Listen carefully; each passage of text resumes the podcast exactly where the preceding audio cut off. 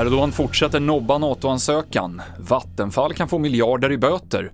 Och 95-åring blev tasrad av polis i Australien. Det handlar om i TV4-nyheterna. Och Turkiet är inte redo att släppa in Sverige i NATO, det säger presidenten Erdogan i en ny intervju med CNN. Han säger där att ett NATO-land borde ha en stark ställning när det kommer till att bekämpa terrorism, vilket han alltså menar att Sverige inte har. Det här uttalandet görs med drygt en vecka kvar till omgång två i det turkiska presidentvalet. Vattenfall misstänks ha försökt manipulera marknadspriset på el, rapporterar Yle.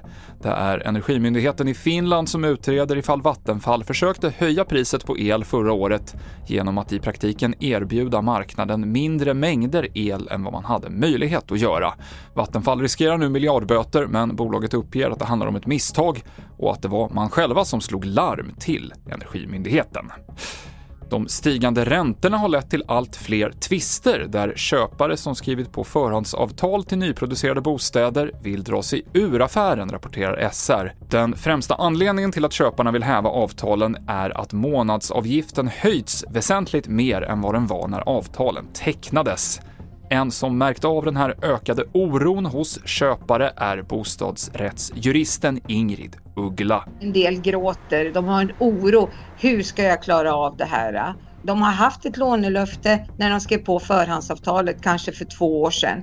Och sen har nu räntorna gått upp eh, som medför att det blir väsentliga avgiftshöjningar både för den enskilde och för föreningen och därmed så får de inget lån. Och australisk polis bekräftar nu att man skjutit en dement 95-årig kvinna med elpistol under ett ingripande i veckan. Kvinnan bodde på ett äldreboende och lämnade sitt rum med rullator och en kniv i handen. Polisen larmades dit och när hon sen närmade sig dem så sköts hon med elpistolen och slog i huvudet när hon föll. Polisen som sköt är under utredning. Det avslutar TV4-nyheterna. Jag heter Mikael Klintevall.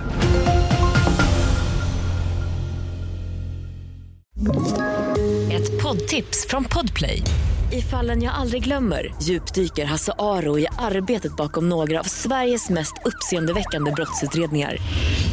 Går vi in med hemlig telefonavlyssning och, och då upplever vi att vi får en total förändring av hans beteende. Vad är det som händer nu? Vem är det som läcker?